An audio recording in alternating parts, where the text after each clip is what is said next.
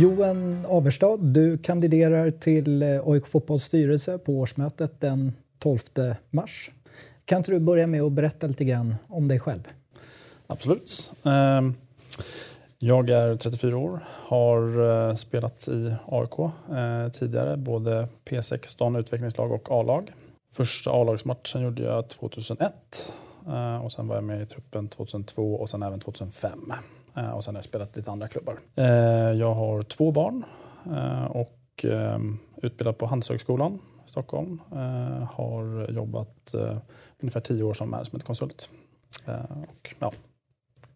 För mig och andra som inte riktigt vet vad en managementkonsult gör, kan du inte kortfattat berätta det? Eh, kortfattat så är det att vi hjälper företagsledningar med deras största problem eh, och utmaningar. Eh, och det kan vara att jobba med nya strategier eller det kan vara att öka lönsamheten eller det kan vara att hur man jobbar med nya marknader och så vidare. Men vi, när företagsledningar i stora bolag har utmaningar så är det oss de vänder oss till ofta. Som de inte kan lösa själva då såklart. Ja, men då förstår jag lite bättre i alla fall.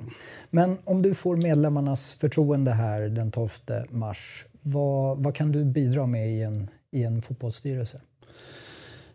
Jag tror att det är lite olika saker. Dels så har jag ju visst fotbollskunnande sen tidigare så jag förstår ju verksamheten. Eh, och sen så utifrån det jag lärt mig i mitt professionella liv så jobbar vi med att utveckla verksamheter, jobba med strategifrågor, eh, att sätta sig in snabbt i problem och hitta lösningar eh, på det. Så jag tror att det tillsammans med att se hur kan man driva en ytterligare professionalisering av verksamheten kan vara någonting som jag kan bidra med. Utifrån det du vet idag om AIK Fotboll och hur det drivs, behövs det en, en ökad professionalisering inom fotbollen? Nu är ju inte jag insatt i, i alla detaljer så att för mig är det egentligen svårt att svara på. Men, men eh, jag kan väl säga utifrån lärdomar från andra väldigt stora bolag så finns det alltid utvecklingsmöjligheter. Eh, och det tror jag säkert det finns här också. Men för mig är det svårt att peka på, peka på några specifika saker här eftersom jag inte är insatt i alla delar. Hur är det, har du någon styrelseerfarenhet sedan tidigare? Jag har inte själv suttit i en styrelse, men däremot i mitt jobb så har jag jobbat väldigt mycket mot styrelser eftersom det är sådana frågor som vi eh, sysslar med, då, med som jag sa, strategier eller Eh, frågor som påverkar väldigt mycket i stora bolag. Eh, och då jobbar man ofta mot styrelsen för att man behöver ha styrelsens beslut eller godkännande på eh, de frågorna som vi tar fram lösningar på. Så det, eh, det är min erfarenhet. Och vad ser du då som en, en styrelses främsta uppgift? Eh, mycket handlar ju om att sätta riktningen för verksamheten, eh, staka ut mål, eh, sätta policies och liknande som den operativa ledningen ska genomföra. Och sen såklart att följa upp på Når man de målen? Är det avvikelser eller liknande? Och utifrån det ja, på nytt staka ut nya vägar för att nå liksom ytterligare mål eller hantera de avvikelserna. Så det handlar mycket om det. Att, ja, och i, såklart att tillsätta en ledning som är eh, kompetent och duktig och, och genomföra eh, den, eh, det som ska göras helt enkelt. Jag kan tänka mig att du i ditt professionella liv mest möter antingen privatägda eller aktiestyrda bolag. Här har vi ju medlemmar som är majoritetsägare. Mm, mm, mm. Hur, hur ser du på att arbeta i en sån organisation om du blir vald? Jag tycker det är spännande. Eh, sen kan jag säga också att i det jobb som jag, som jag gör till vardags, det är inte bara aktiebolag utan vi jobbar även mot det offentliga. Eh, så det kan ju vara offentligt ägda eh, verksamheter eller myndigheter för den delen till exempel. Och sen även mer federativa bolag där det finns om säger, medlemsorganisationer och så. I och för sig då inte exakt en medlemsförening där det är massa individuella medlemmar. Eh, men eh, såklart, det finns ju skillnader. Det finns väldigt många personer, individuella personer som vill vara med och påverka och så vidare. Så det är en sak som är lite annorlunda. Eh, men det är bara bra. Det ska finnas ett stort intresse för en sån här verksamhet.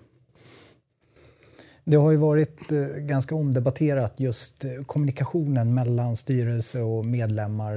Vissa vill ha mer kommunikation, andra tycker att det är bra som det är styrelsen själva säger att det har funnits eh, tillfällen men dåligt med intresse. Hur ser du på, på kommunikationen med medlemmar? Hur, hur bör man hantera sån på bästa sätt? Jag tror det är bra med, med eh, eh, mycket dialog och, och, och mycket kommunikation och, och, att man kan vara så transparent som man kan och får vara.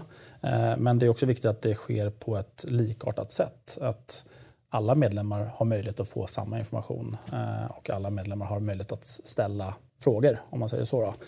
Så det eh, tycker jag är viktigt. Sen finns det ju massa frågor som man inte kan kommunicera. Det finns ju sekretessbelagda eh, uppgifter och så vidare. Eh, och det kan finnas massa delar kring vad man diskuterar i styrelsen som man inte ska heller kommunicera utan det är snarare det som är beslutat eller det man kommer fram till. Eh, och så.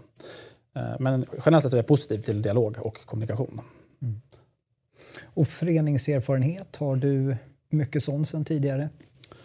Eh, ja, det beror på vad du menar. Jag har, ju, jag har ju spelat väldigt mycket fotboll i föreningar om man säger så. Eh, om det är det du frågar efter. Nej, jag tänkte främst om du har haft andra förtroendeuppdrag eller så tidigare. Eh, jag har inte, nej, jag har inte varit i den typen av uppdrag som det här är. Utan det är mer att vara verksam i föreningar. Om du får titta och analysera dig själv, managementkonsulta dig själv lite grann. Vad har du för styrkor och svagheter när vi ser just att sitta i en, i en idrottsstyrelse? Ja, jag tror att eh, dels så har, eh, lite grann det jag var inne på tidigare, jag tror att det jag kan bidra med eh, är att jag är väl relativt eh, erfaren på just det här att jobba med strategifrågor, jobba med verksamhetsutvecklingsfrågor, Ehm, och har gjort det i väldigt många verksamheter. Jag har sett väldigt många verksamheter, även fast om man säger, på tio års tid så kanske man har jobbat med 100 projekt eh, och med 50 olika verksamheter. Så då har man sett väldigt mycket under en relativt kort eh, period. Eh, och, så jag tror att det kan bidra med att hitta lär, eller bidra med lärdomar från olika typer av verksamheter. Sen svagheter, jag tror att dels så har jag inte all kunskap om föreningen som sådan. Eh, så jag kan inte exakt allting om, om eh, ja, föreningens alla delar och hur allting relaterar till varandra, olika supportergrupperingar och så vidare. Så, så det är väl en sak som andra kan bidra med säkert. Och med din sportsliga bakgrund, tar du med dig sådana kunskaper in i styrelsearbetet också som kan vara nyttiga för AIK? Ja, det, det tror jag. Alltså, det är ju alltid viktigt att kunna förstå Eh, dels ja, hur det är att vara spelare någonstans och förstå den verksamheten som, som är eh, kärnan i det hela. Eh, men också tror jag det här att, som jag tycker är väldigt viktigt, hur man utvecklar eh, ungdomar. För det är det någonstans, någonstans som är kärnan i verksamheten eh, och det långsiktiga framgångsfaktorn också. Att verkligen få till en väldigt bra talangutveckling. Om du får titta framåt lite grann i kristallkulan, vart ser du AIK framöver? Ja, eh, jag tror det finns en massa potential för det första. Eh, och så. Och eh, jag tror att det finns ju väldigt många steg som man kan ta någonstans i utvecklingskurvan. Och jag tror att på lång sikt så kan man ju egentligen säga så här att det finns flera länder ute i Europa som har väldigt starka klubblag som har inte mer invånare än vad Sverige har.